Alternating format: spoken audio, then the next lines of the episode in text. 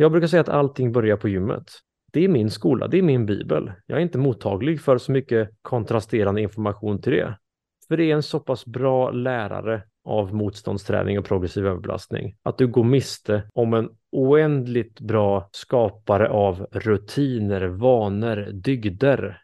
När du faktiskt, ja men nu kommer jag spontant tänka på en gammal bekant som heter Jocke som berättar själv hur, hur det är att vara personen gentemot grabbkompisarna, gentemot andra AIK-fans, gentemot familj, gentemot kollegor säger att nej, vet du vad, jag vill inte ha den där ölen. Jag vill faktiskt upp och springa imorgon bitti. Och hur bra han mår. Mm. Och han vet ju om hur de här människorna i sin omnejd som säger äh, men släpp det, ta en bärs. De inte möter sitt eget motstånd. De vet ju innerst inne att de också skulle må bra och ja. kanske att den första ölen var godare än den andra, tredje och fjärde. Och att den där löprundan när vi möter soluppgången är bra mycket bättre för oss.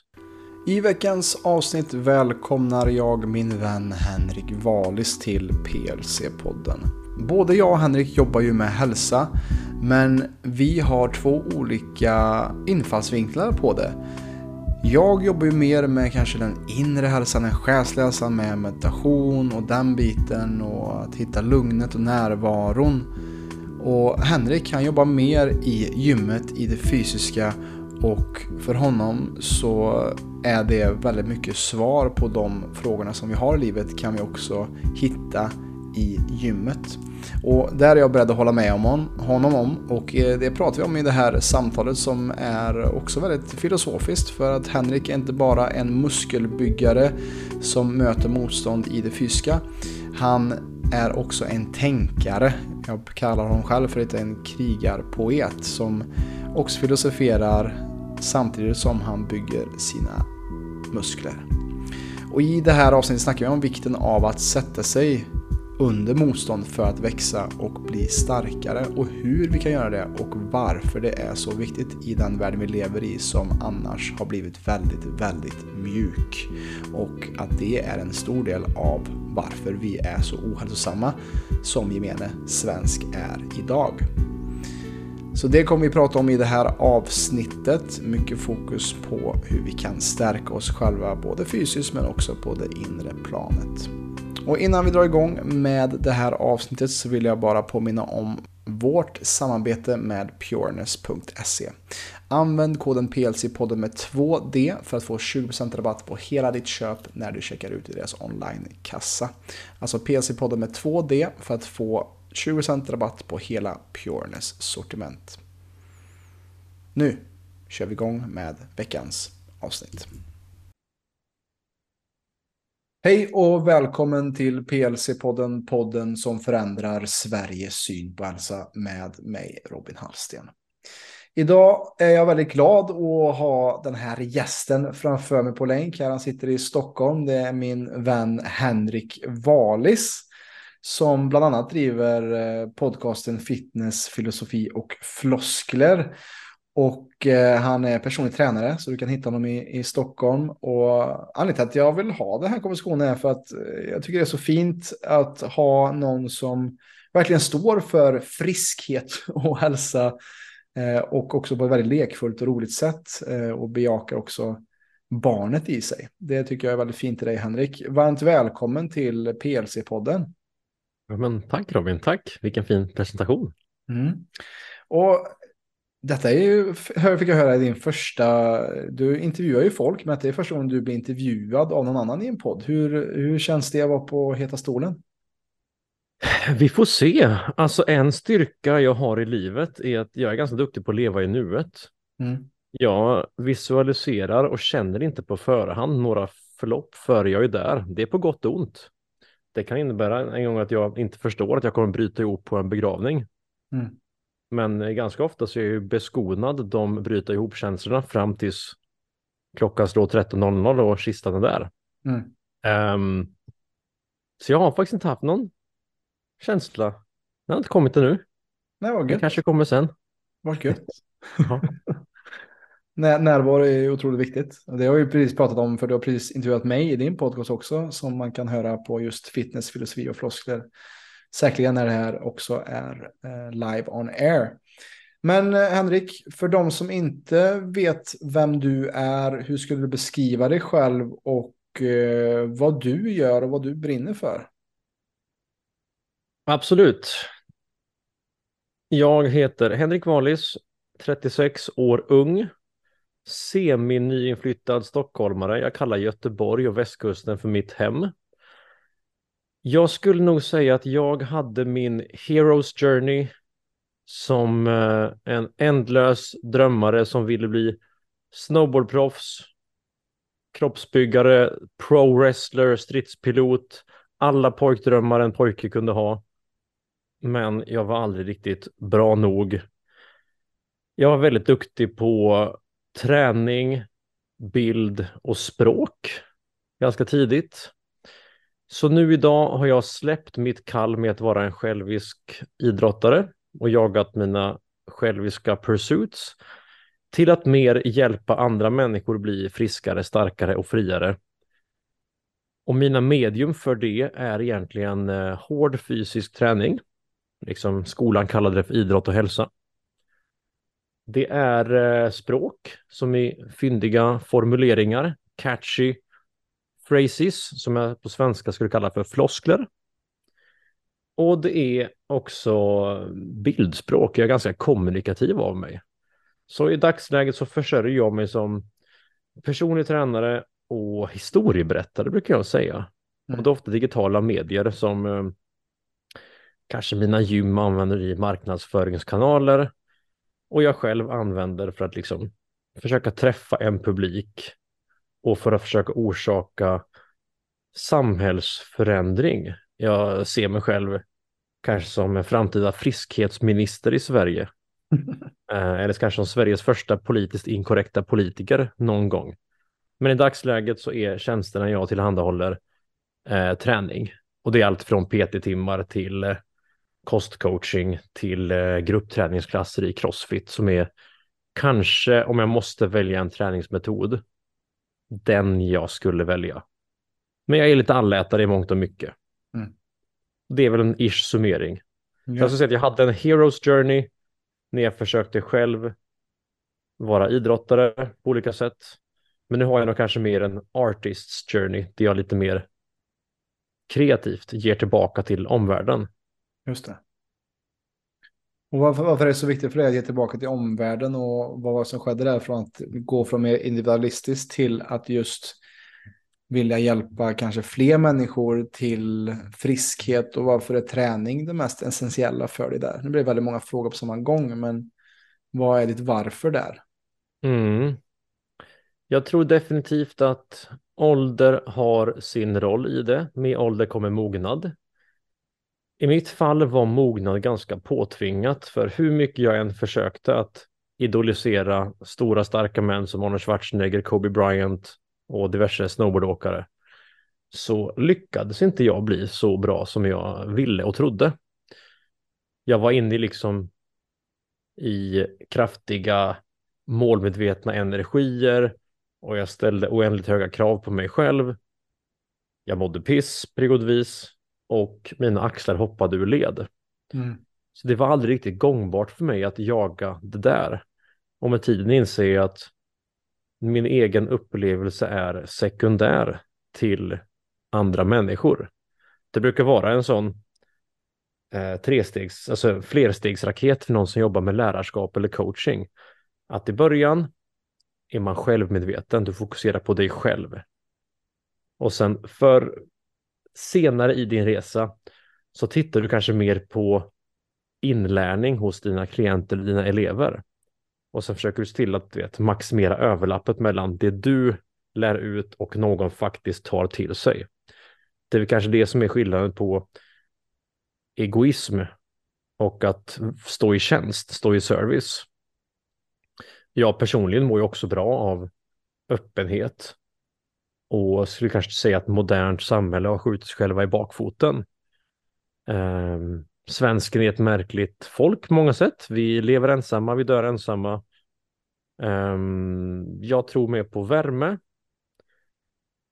Och som du sa förut med träning så skulle jag faktiskt säga att träning är vår tids bästa lärare på hur livet går till. Alltså ta metoder som progressiv överbelastning.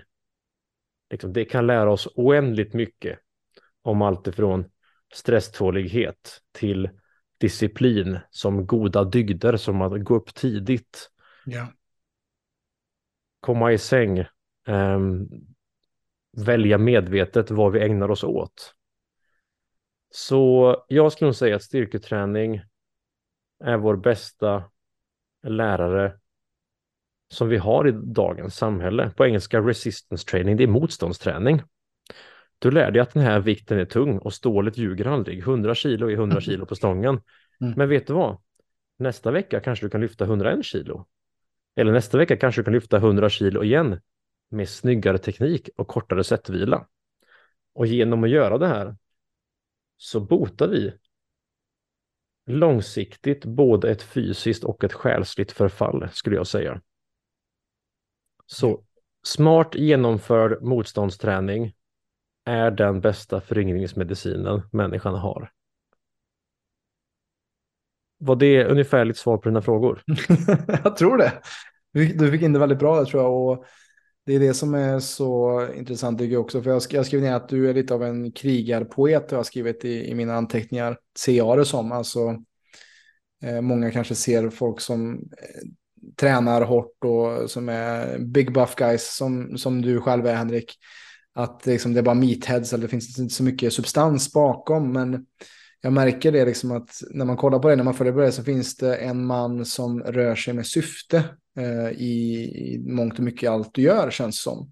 Ja, precis som du, du lägger ut här, du har en filosofi bakom fitnessen. Det är inte bara att vi ska ha en eh, fin kropp som jag vet att du och Andreas Holm hade er eh, Operation Speedo Torpedo här nu i våras. Just ett träningsupplägg för de som ville komma i form till sommaren. Vilket liksom är lite catchy såklart också, men som jag tror säkert att ni blandar in mycket av er filosofi och ert livsåskådning för att också skapa friskhet. Och det är ju som vi på PLC också ibland, att vi kan marknadsföra oss att, att minska verk och få mer energi och gå ner i vikt. Men vi vill ju också få in det här själsliga tänket eller just det här äh, tänket kring hur kan jag se bra ut men också må bra från insidan och ut. Och inte bara bygga muskler och eh, som du hade problem med i din egen karriär med just luxerade axlar. Att, att hoppar ur led för att du kanske körde för mycket. Eh, för att du vill uppnå en viss sak eller var mycket kanske i egot. Och som du säger, alltså stången ljuger inte. I livet så kommer vi alltid möta på motstånd oavsett vem vi är. Och ju mer vi gör oss förberedda på det, eh, ju mer vi medvetet sätter oss under resistans, så kommer det bli lättare för oss när det kanske sker ett dödsfall i familjen, när du blir av med jobbet eller när flickvännen är slut eller pojkvännen är slut. Att har vi förberett oss med någon form av motståndsträning och det är som du säger, det är en sån fin liknelse till livet att det vi gör i gymmet kan vi också göra eh, i livet helt enkelt. Vad tänker du kring det? Mm.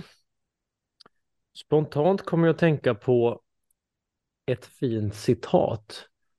Om du känner till Vince Lombardi. Om du vinner Super Bowl NFL så är liksom, heter den The Vince Lombardi Trophy. Han var en stor fotbollscoach. Yeah. Och han har något citat som lyder stil med I believe that man's finest hour, the greatest fulfillment of all he holds dear, is when he lies exhausted on the field of battle, victorious. Mm. Och jag är väl någonstans inne på det att vi behöver anstränga oss för att må bra. Yeah. Avslappning kommer efter ansträngning. Och i takt med att människan blivit intelligentare, smartare, mer högteknologisk så har vi oftast tappat kontakten med vår inner savage. Alltså inuti oss finns det inte liksom bara en högsofistikerad robot som eh, kalkylerar data utan vi har liksom kapacitet för mycket fysikalitet, mycket utlopp fysiskt. Och där någonstans spelar styrketräningen en stor roll, för det är liksom det lättaste vi kan göra att bara ta i mer. Mm. Jag tror inte vi kan besegra välfärdssjukdomar som diabetes, hjärt och kärlsjukdomar, benskörhet om vi inte skapar miljöer där vi faktiskt får vara fysiska.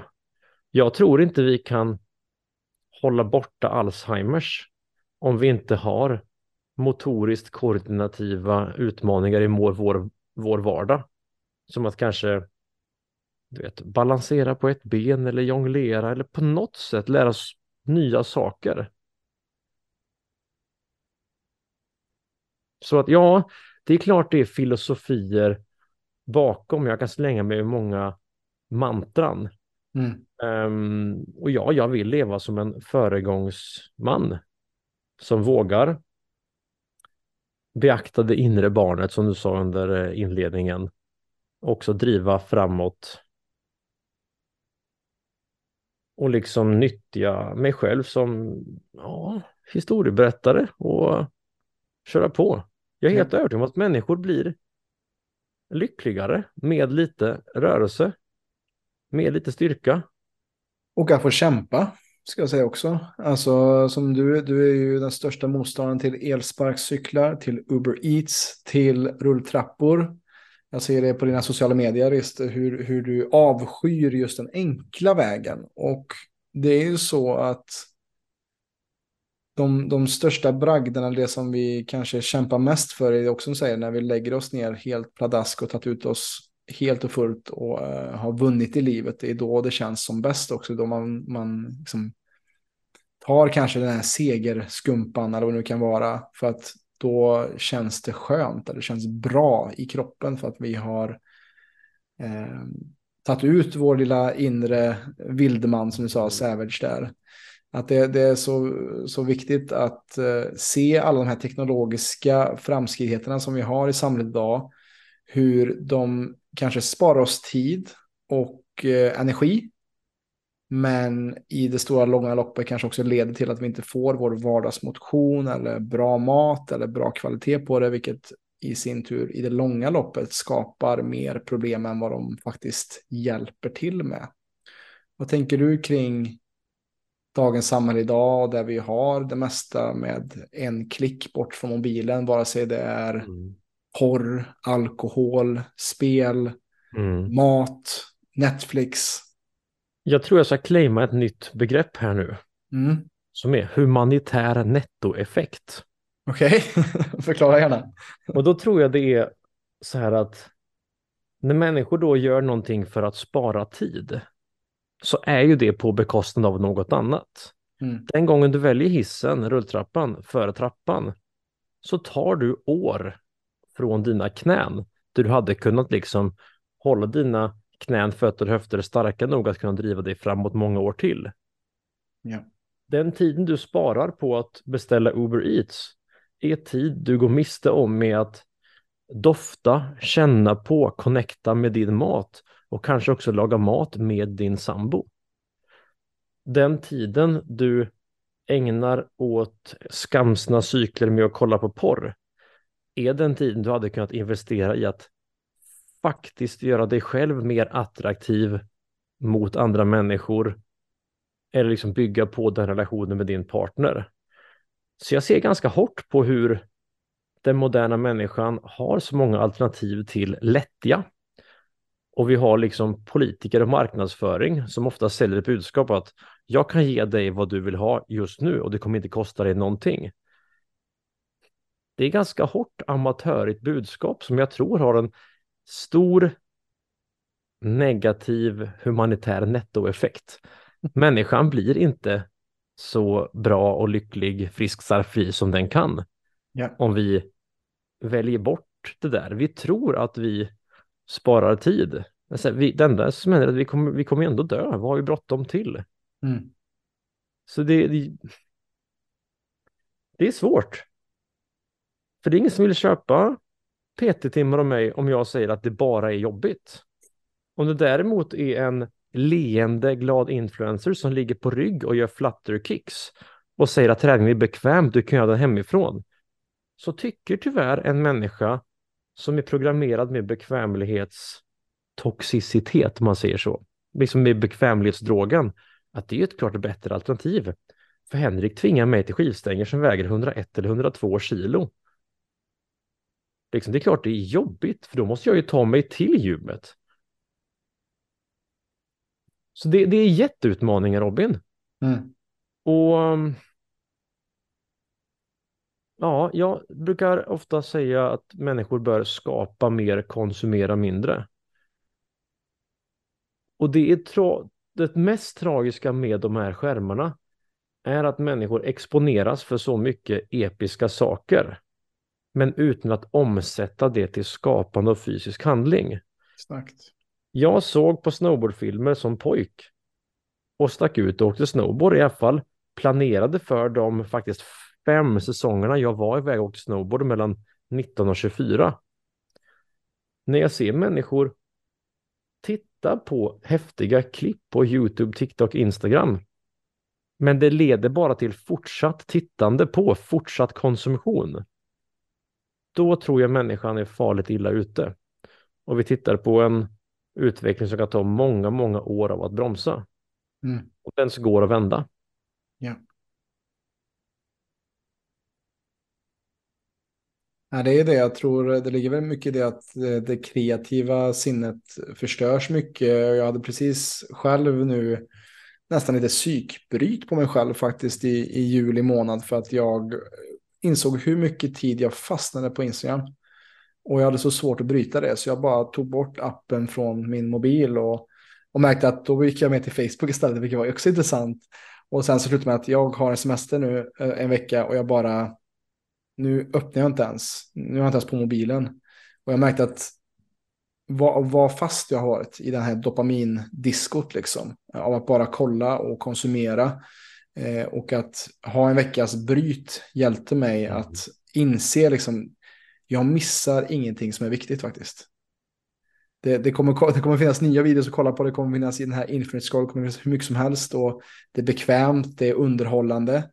Men det är inte själsligt uppfyllande och det suger också som du säger. Det tar bort kreatören i mig. Så det är jättesvårt.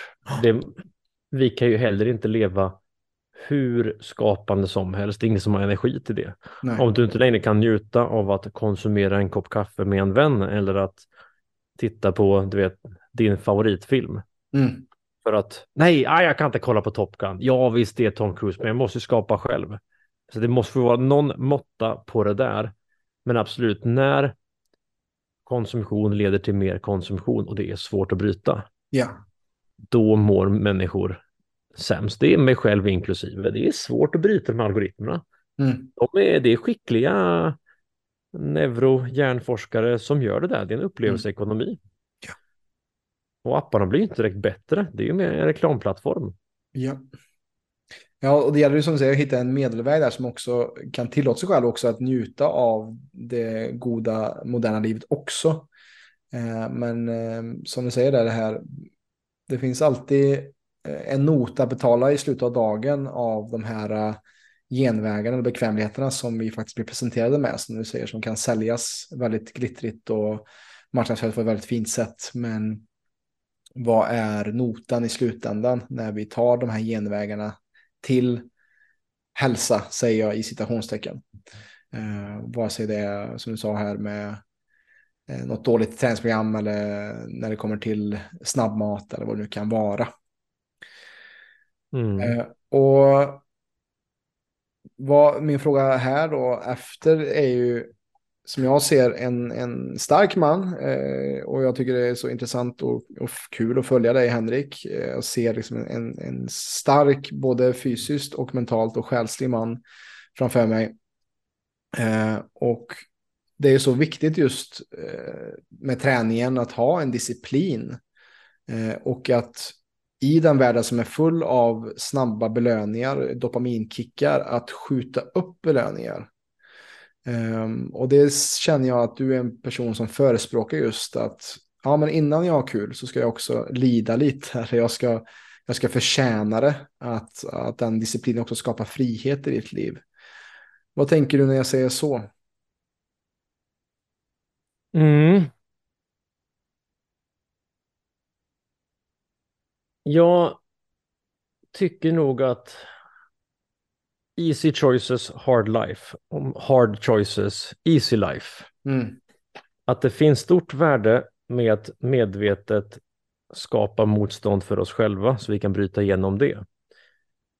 Jag tycker inte att eh, träning behöver vara skoj. Träning behöver, det ska vara effektivt. Men jag tycker motion ska vara roligt. Det ska vara kul att göra men kanske syfteslösa fysiska aktiviteter för att det är kul. Men min förmåga att njuta av eh, promenader, joggingturer, zon 2 landsvägscykelturer eller att åka rullskridskor på Ribersborgsstrandens beachboardwalk i Malmö. Den beror ju på att jag kan först skapa mig själv bra helkroppsträning som gör att min kropp orkar med åldrande. Så jag tror liksom att vi måste också ha tråkigt för att kunna ha roligt. Till exempel funktionell träning, rent krast, ska ju hjälpa dig med en funktion. Vi tränar rörlighet för att den dagen jag saknar inåtrotation i axelleden kan inte jag torka mig själv i rumpan längre. Och då kan inte jag leva ett självständigt liv.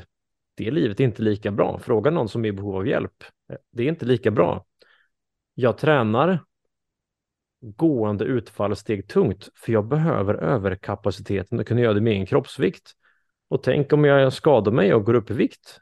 Då måste jag ha en kropp som är redo för eventuella extra kilon. Ja. Och så tycker jag det är kul att hoppa, studsa, dansa. Då vill jag kunna göra det. Utan att det behöver låna på morgondagen. Så vi behöver nog ha tråkigt. Vi behöver fokusera kanske mer på mening och inte bara njutning.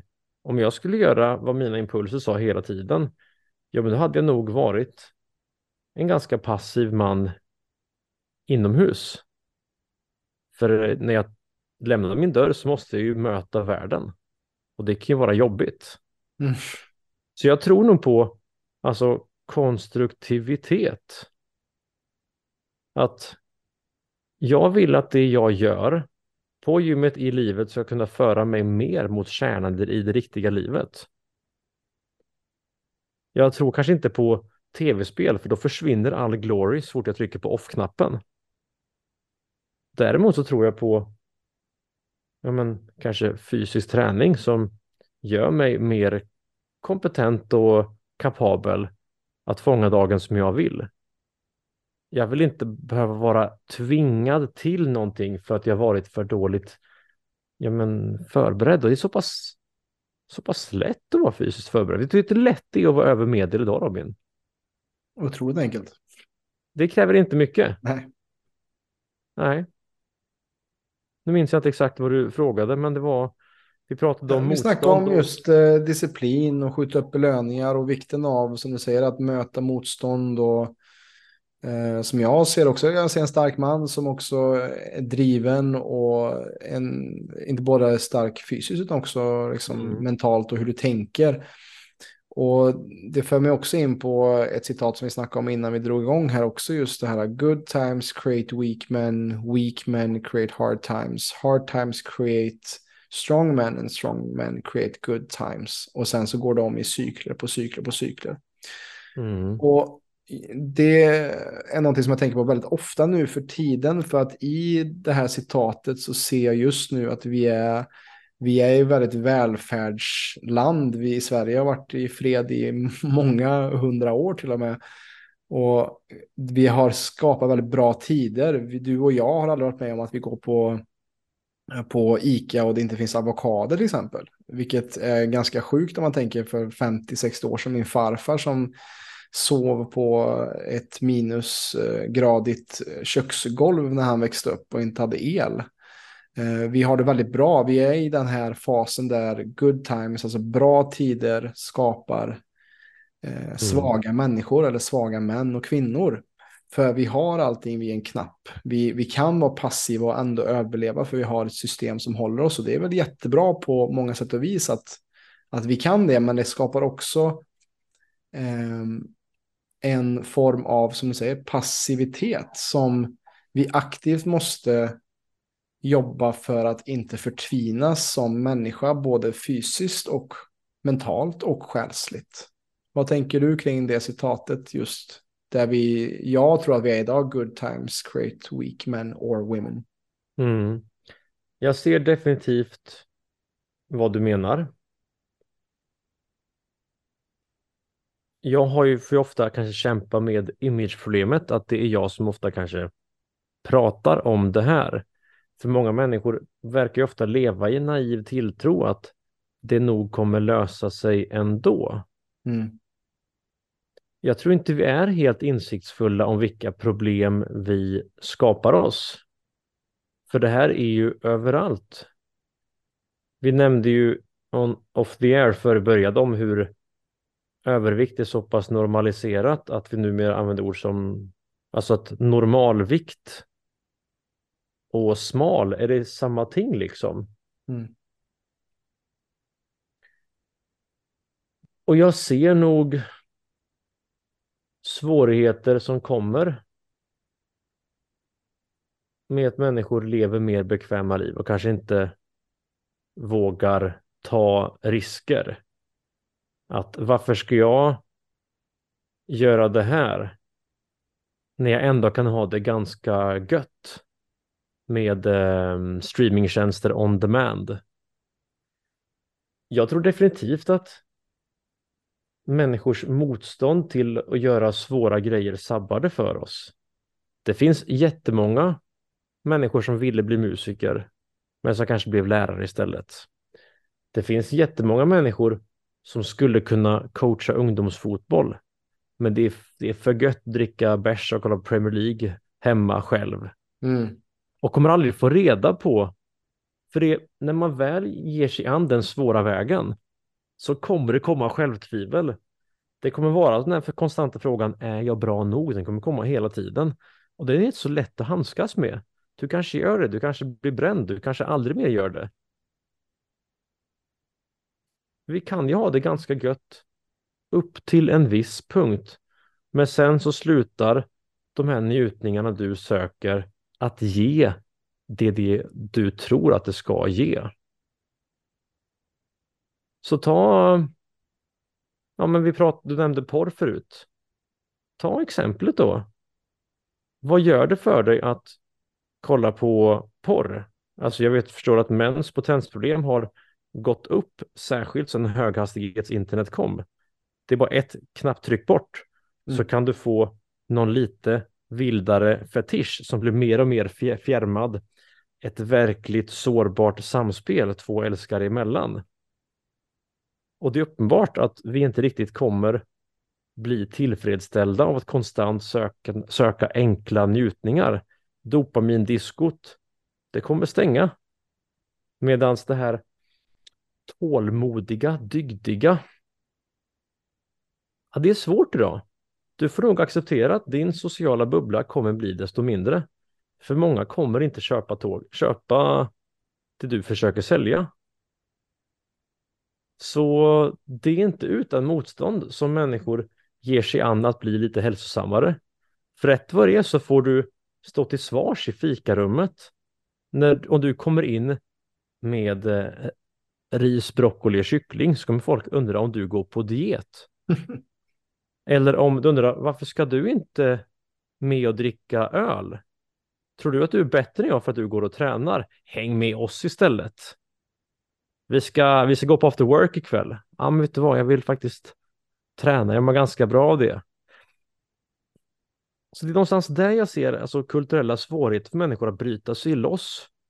Man är liksom rädd för exkluderingen det inneblir att faktiskt vara den outliern som tar hand om sin hälsa och sitt fysiska liv. Du är mer en outlier. Om du gör det då, på populationsnivå. Ja, vi tar en liten break här från podcasten med Henrik för att just prata lite mer om det som är inne just här precis i podden.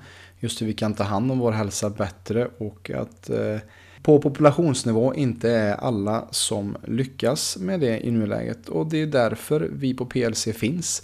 Vi brinner för att hjälpa dig med din hälsa och att komma i mer balans. Och eh, vill du kolla mer på det vi jobbar med så har vi faktiskt en gratis app som du kan ladda ner och eh, kolla på just lite videor på grundorsaker till dina hälsoproblem.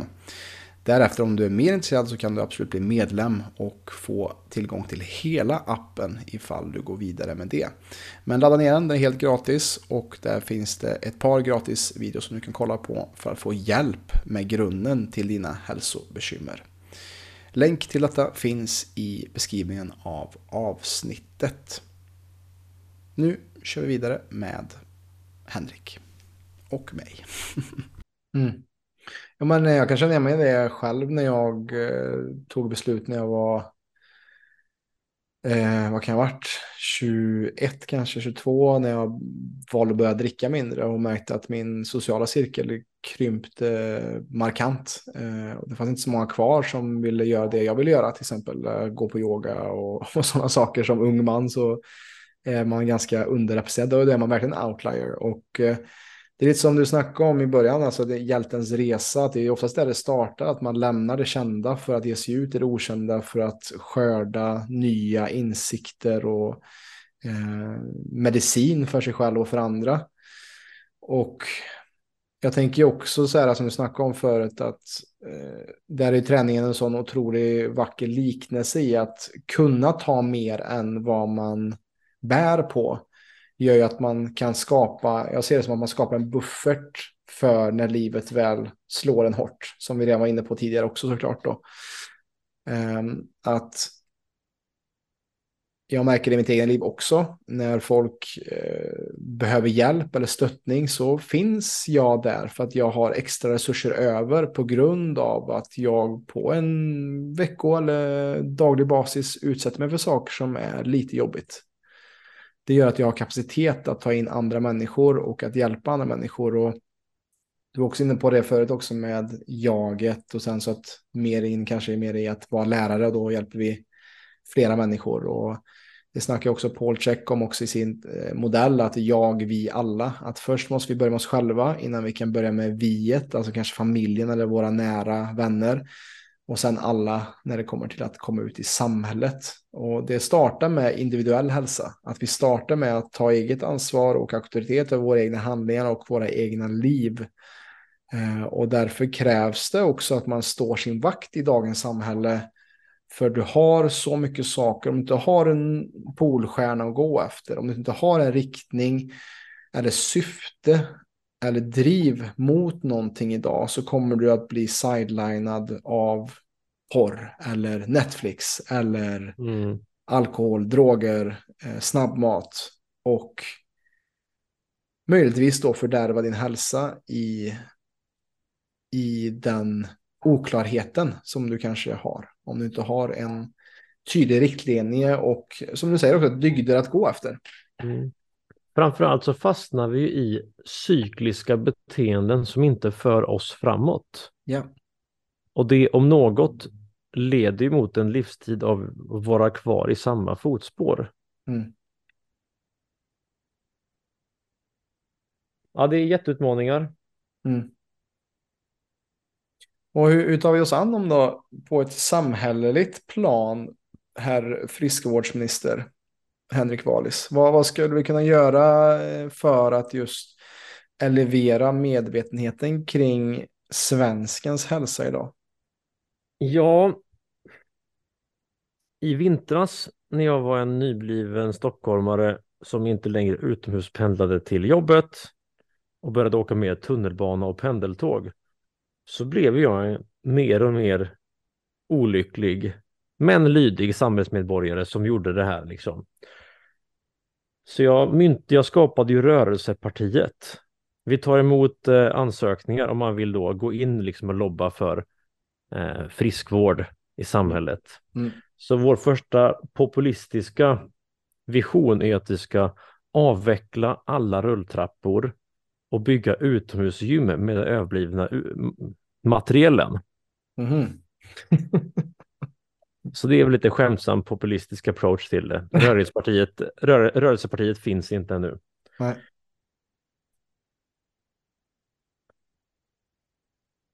Det är jättesvårt. Jag skulle nog säga att i skolans värld så är det extra komplext. För till och med i skolans värld så värdesätter vi teoretisk kompetens väldigt högt.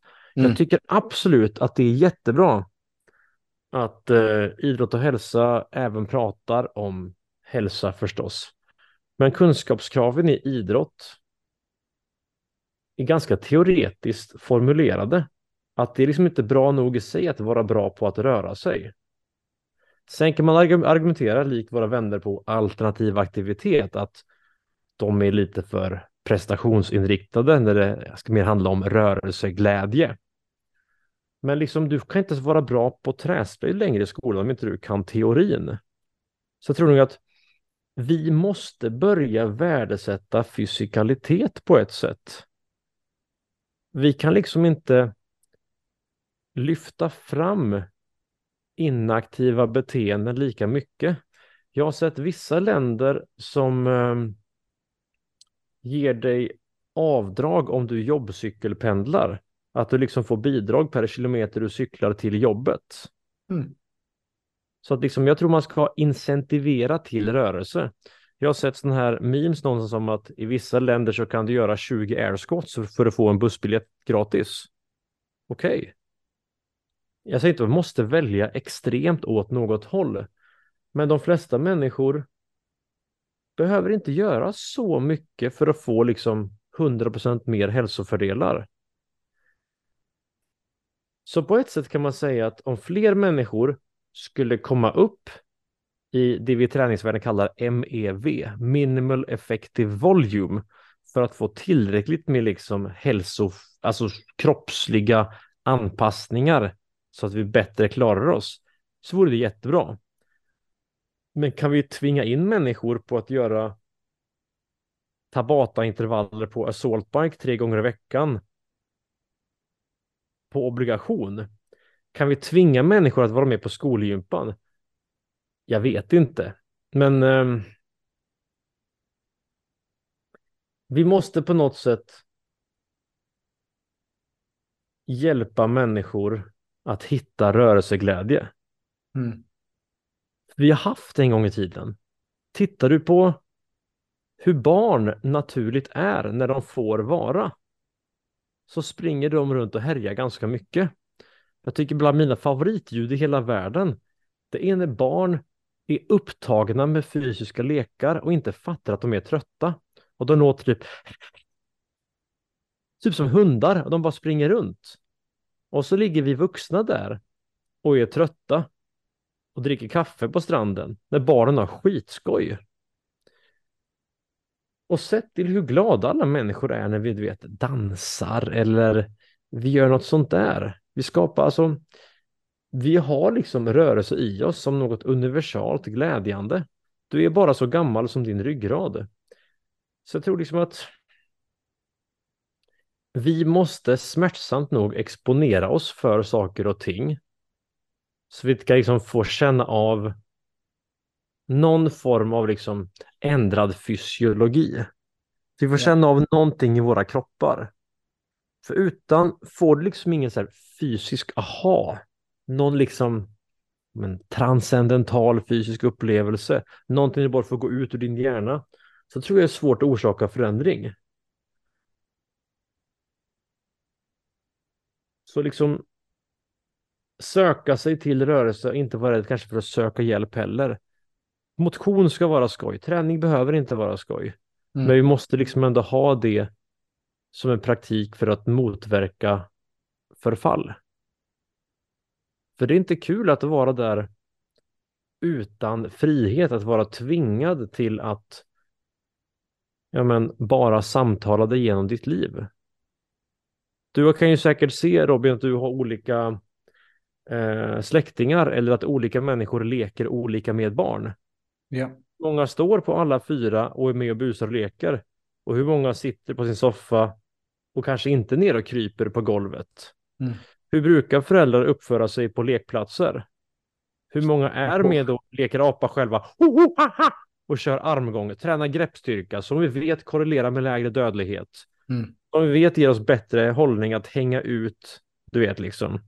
Men ganska ofta så är vi där och tittar på och låter, an, låter barnen ha roligt. Vi konsumerar till och med våra barns lek. så där är nog som att nej, vi får inte tappa kontakten med vår fysiska praktik. För då tappar vi så oändligt mycket mer, återigen, humanitär nettoeffekt. jag, gillar, jag gillar det att du har, att det har fötts fram här i PLC-podden här. Eh, Kan Mm, man tack. kommer ha royalty på det varje gång du använder det. Patent pending. Ja. Nej, men rörelseglädje är absolut jätteviktigt och som du nämnde alternativ aktivitet är ju goda vänner till båda oss och det var ju där vi träffades första gången också eh, via Mm. vår Sen, vän. Förlåt, nu avbryter jag dig tillbaka Mm. här, men eh, jag har jobbat en del med eh, träning för barn och unga. Jag är Mm. tidigare specialidrottslärare, undervisar crossfit som ämne och jag har jobbat mycket med ungdomar. Och där pratar vi faktiskt om movement gaps. Mhm. Som är liksom att det finns då hål som uppkommer i människors rörelsemönster, då movement gaps. Om en människa inte har tillräckligt mycket spontanlek i sin uppväxt så exponeras inte människan för tillräckligt mycket fysisk problemlösning. Så att om vi då också lever i en värld där idrotten, elitsatsar tidigare, kanske blir mer extrem, men våra liv utanför idrotten blir mindre fysiskt förberedande, så har vi ett problem. Alltså, barn behöver träna på knäkontroll för att kunna hantera acceleration och deceleration i fotboll och kunna vända om och springa på nästa löpning. Vi har kommit så långt att många barn och unga saknar motorik och explosivitet att göra jämfota hopp. Det är då liksom ett movement gap. Och det här tar lång tid att lära upp senare i livet. Mm. Så liksom ta en ehm, person som kanske köper eh, online coaching och träningsprogrammet säger att du ska göra benböj tre gånger tio, tre gånger i veckan. Och så har du ett movement gap i att du inte kan knäböja utan att dina, ben, dina knän kollapsar inåt. Du tappar eh, balansen över foten. Du får eh, din eh, S-kurvatur i ryggraden förändras och disktrycket blir annorlunda då blir det också problem. Så jag tror att människor måste också vara fysiskt förberedda för att inte behöva bestiga ett berg varje gång en motgång händer. Så vi kan inte vara naiva för hur viktigt det är att kunna röra sig. Alltså jag har rörelseglädje men kanske också rörelsekompetens. Och om vi går till körskolan för att lära oss köra bil. Vi går till tandläkaren för att ta hand om våra tänder varför går vi då inte till människor som ägnar sig åt rörelse? Mm. Det är liksom om Roger Federer och Serena Williams bägge två hade Hall of Fame-karriärer och 20 plus Grand Slams. Om de var så bra och valde att ha fystränare. Men du som lyssnar, 55 år gammal, utmattad, med vanligt jobb, två barn, bolån och så vidare, ska klara av det själv. Det är svårt. Det är det. Absolut, och det är ju en, många kanske, just hälsa är ju, som vi märker också på PLC, är ju, man prioriterar inte hälsa förrän man har tappat den. Nej, Och det, det är det vi är inne på här, att det handlar ju också om att bibehålla och att underhålla hälsa. Det är det som är det viktiga, så att man slipper hamna hos mig kanske som coach. För att eh, det är oftast där vi möter folk när man har fått besök av smärt. Eh, läraren brukar vi kalla det. Eh, att Mm. det, är, det är inte förrän det är illa nog som man behöver intervention, intervention av någon annan för att man inte har lyssnat till det mycket. Eh, så det är otroligt viktigt att eh, så mycket man kan ta hand om sig själv med rörelseglädje, men kanske också bara de här små sakerna i vardagen som du pratar om här, till exempel att ta trappan istället för rulltrappan. Det är kanske inte är så mycket en gång, men gör det 200 gånger per år när du pendlar från, med tunnelbana till ditt jobb och ska ta trappan så blir det tusentals steg över en längre period. Eh, och det är superviktigt. Ehm, och Henrik, jag vet ju, jag vill höra lite om din dröm, vad du ser framåt, vad du ser fram emot. Eh, vi har ju pratat lite om det när vi har pratat inför det här samtalet. Frisk, stark och fri. Mm. Vad tänker du på då? Ja, jag tycker det är en ganska catchy slogan som faktiskt får med ganska mycket. Frisk och fri har jag fått lära mig finns redan. Det är en, eh, kan man säga, eh, medvetande, alltså medvetande rörelse om eh, mat, ätstörningar kort och gott. Mm, mm. Du kan vara frisk och fri från ätstörningar eller liksom ett toxiskt klogrepp som eh, beteende kring mat kan ha över dig. Men så frisk, stark och fri kommer nog någonstans säga att fri är förstås avsaknad, eller förlåt, frisk, frisk är förstås avsaknad av sjukdom. Mm. Så det kan betyda i crossfit-termer, vi har en jätteelegant förklaring som heter eh, Sickness, Wellness, Health Continuum. Så man, liksom, man ser ett spekt, du ser liksom att sjukdom och frisk, det är inte bara binärt. Om du har blodtryck över den gränsen är du sjuk. Har du blodtryck under den gränsen så är du frisk. Utan tvärtom kan man säga att på crossfit språk fitness, mitt språk, men kanske stark, liksom, då har du kanske ännu lägre blodtryck. Om det här är liksom normalspann för eh, underhudsfett, blodtryck, eh, vilopuls så kan ju du med hjälp av någon form av fysisk process i ditt liv ha ännu bättre värden.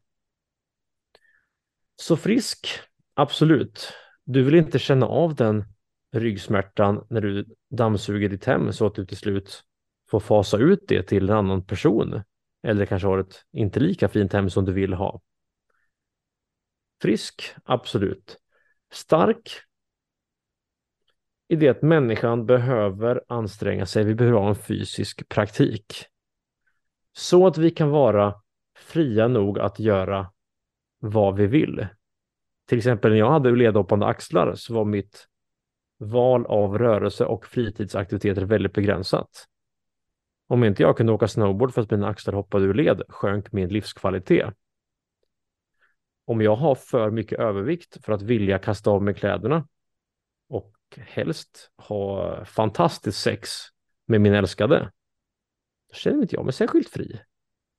Jag kanske kan må ännu bättre om jag beaktar min hälsa, hur jag uppför mig i mina relationer. Till exempel, du, vi pratade tidigare om de vi har omkring oss och hur de hjälper oss eller inte. Letar du efter vänner som ger dig medhåll i även dåliga beslut? Eller letar du efter allierade som hjälper dig mot ett mål? Liksom, kommer dina vänner och knackar på din dörr? Nu håller du på att svika dig själv. Jag behöver dig i form, för jag vill göra det här Vasaloppet med dig. Jag vill gå och dansa med dig, Lasse, när det är eh, bygdegårdsdans i Dalsland. Så det är någonstans där att jag tror ju att för många människor börjar det kanske ofta vet, med ja men det var det här diskbrocket som kom så olyckligt. Det var den här närståendes bortgång.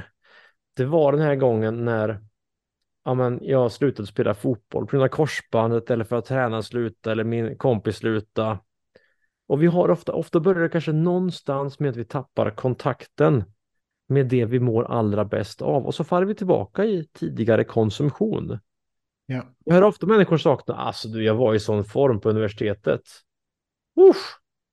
Men inte längre. Och med åren, distansen blir större till det fysiska livet, så är det lätt att man skapar ett vi och dem. Sådana här människor som jag, som är i form året om och lägger sin tid på gymmet. Jag är extrem Robin, för att jag tränar 90 minuter per dag. Mm. Det är ingen som säger att du är extrem när du äter ostbågar framför Netflix 90 minuter om dagen. Så liksom, då är jag ett meathead. Och jag, du är minsann bättre än jag för att du en intellektuell varelse. Men som vi pratade om tidigare, att liksom fysisk hälsa och psykisk hälsa kanske inte behövs säras på så mycket. För det är så svårt att må bra när du har ont i ryggen. Det är så svårt. Och det är så pass mycket lättare att må bra när du i vuxen ålder får ägna dig åt din barndomskärlek, bugg. Du buggade, och du är gammal fotbollsspelare. Mm. Om jag skulle ge dig en välpumpad fotboll, ny gräsmatta, Oj, oj, oj. jag skulle dra på lite kanske brasiliansk sambamusik, jag skulle para ihop dig med några härliga vänner. Mm. Du hade inte behövt så mycket mer. Och din hjärna hade fått all multidirektionell stabilitets kvickhetsträning i fotlederna och din hjärna hade fått göra så mycket problemlösning. Fått göra sudoku med alla 600 plus skelettmuskler i ett socialt samspel med motståndare utomhus. Så jag tror att ja, det är liksom frisk, stark och fri är i mycket. Rörelse, ja, vi kan komma tillbaka till rörelsekvalitet, rörelseglädje, att ha, att leta vägar in i livet, inte vägar ut. Mm. Åh, nu var Kalle sjuk idag, om då slipper jag träna. Nu var Kalle sjuk, vad bra. Då kan jag göra den här träningen som Kalle kanske inte tycker är lika rolig. Ja, Ja, jag ser fram emot Henrik eh, och se när du kommer starta ditt eh, gym förhoppningsvis frisk, stark och fri. Eh, Och jag tycker det är intressant också det här som du säger. Fri, frihet är lika med hälsa är någonting som jag tar med mig från det du säger här. Att som du säger att om vi inte tar eh, hand om vår kropp så kommer vi bli begränsade någon gång under vårt liv och då kommer också vår frihet till att röra oss fritt och att uttrycka oss med våra kroppar också försämras. Eh, och det är någonting som jag själv kommer att ta med mig att tänka på här. Eh, är det någonting, Henrik, som du vill lämna de som lyssnar med innan vi börjar runda av här för idag? Vi har täckt många ämnen och blivit väldigt filosofiskt just kring träning Mm. och livsåskådning här. Vad, vad är någonting du vill säga till de som lyssnar? absolut. Eh, jag skulle nog säga att träning är simpelt men inte lätt. Att jag skulle säga att behovet av personlig träning kommer ganska sent i en människas resa. Du kommer väldigt långt med att träna helkroppspass, stora rörelsemönster. Jag uppmanar människor att kanske inte gå på ett budskap om att träning ska vara lätt och bekvämt och ska kunna göras hemma. Tvärtom är träningen bättre om den kan progressivt överbelasta dig, gärna på ett gym där det finns liksom hantlar, kettlebells, skivstänger i olika vikter så att du progressivt utifrån din nivå kan hitta smärtfria varianter och bygga i de rörelsemönsterna. Det är inte mycket svårare än att ha knäled, höftled, drag och press i överkroppen och lite rotation av bålen. Så det kommer så enkelt. Så att känner till 80-20 modellen. Eh, ja, jag tror det. Vi Ja. brukar också referera till 80-20 att gör man 80% rätt så har man 20% liksom lite, lite buffert för de gångerna som inte kanske blir bra när det kommer till kost, Ja. träning eller sömn. Eller... Nej, men så att i slags pyramidtänk, det är liksom det vi bygger grunden först, Mm. då skulle jag säga att ha en regelbunden praktik av att gå och träna muskelansträngande aktiviteter tre gånger i veckan Mm. löser liksom 80 av alla dina problem. Ja. Det allmänfysen är så pass viktig och liksom resten är, resten är finlir. Ja. Ehm, så det är, det är simpelt men inte lätt. Du behöver liksom fortfarande träna muskeln att packa träningskläderna, Mm. att känna motståndet men välja att göra det ändå. Mm. Att omge dig med människor som kanske knackar på din dörr och säger Idag tränar vi Lasse. Ja. Ja, något sånt. Mm. Jag brukar säga att allting börjar på gymmet. Mm. Det är min skola, det är min bibel. Jag är inte mottaglig för så mycket kontrasterande information till det. För det är en så pass bra lärare av motståndsträning och progressiv överbelastning att du går miste om en oändligt bra skapare av rutiner, vanor, dygder. När du faktiskt Ja, men nu kommer jag spontant tänka på en gammal bekant som heter Jocke. Som berättar själv hur hur det är att vara personen gentemot grabbkompisarna, gentemot andra AIK-fans, gentemot familj, gentemot kollegor säger att nej, vet du vad, jag vill inte ha den där ölen. Jag vill faktiskt upp och springa imorgon bitti. Och hur bra han mår. Mm. Och han vet ju om hur de här människorna i sin omnejd som säger äh, men släpp det, ta en bärs. De inte möter sitt eget motstånd. De vet ju innerst inne att de också skulle må bra. Och Ja. kanske att den första ölen var godare än den andra, tredje och fjärde. Och att den där löprundan när vi möter soluppgången är bra mycket bättre för oss. Så sårbar självinsikt och att ha en fysisk praktik. Mm. Någonstans där kanske vi avslutar. Mm. Stort tack eh, Henrik för eh, ja, det här samtalet och din, din visdom som du bringar. Och eh, jag hoppas vi ses på någon eh, bygdegårdsfest här i Dalsland framöver kanske som du pratade om i tidigare samtalet här. Ja men absolut, tack. Kan vi skaka våra lurviga i barfota skor? Exakt, eller vara helt barfota. Eller vara helt barfota, Mm. absolut. Wild and crazy, wild and crazy. Ja. Men du Henrik, vart hittar folk dig om man vill komma i kontakt med dig, om man vill träna med dig i Stockholm? Eh, Yes. Var, Eh, vart finns du? absolut. I Stockholm hyr jag in mig som tränare och en del av tränarstaben på Stockholms första, största och bästa Crossfit-gym. Crossfit Nordic. Eh, du är välkommen dit, du behöver inte vara medlem för att träna där med mig. Du når mig lättast i så fall genom att skicka ett mejl på henrik at crossfitnordic.se. Leta upp mig på Instagram, at Henrik Wahlist. Henrik med K, enkel V, A, L, I, S. Eller då gärna kika in eh, det som i dagsläget är min eh, podd och då friskhetsportal, at fitness, filosofi, floskler. Där jag försöker att dela med mig av eh, gratis content.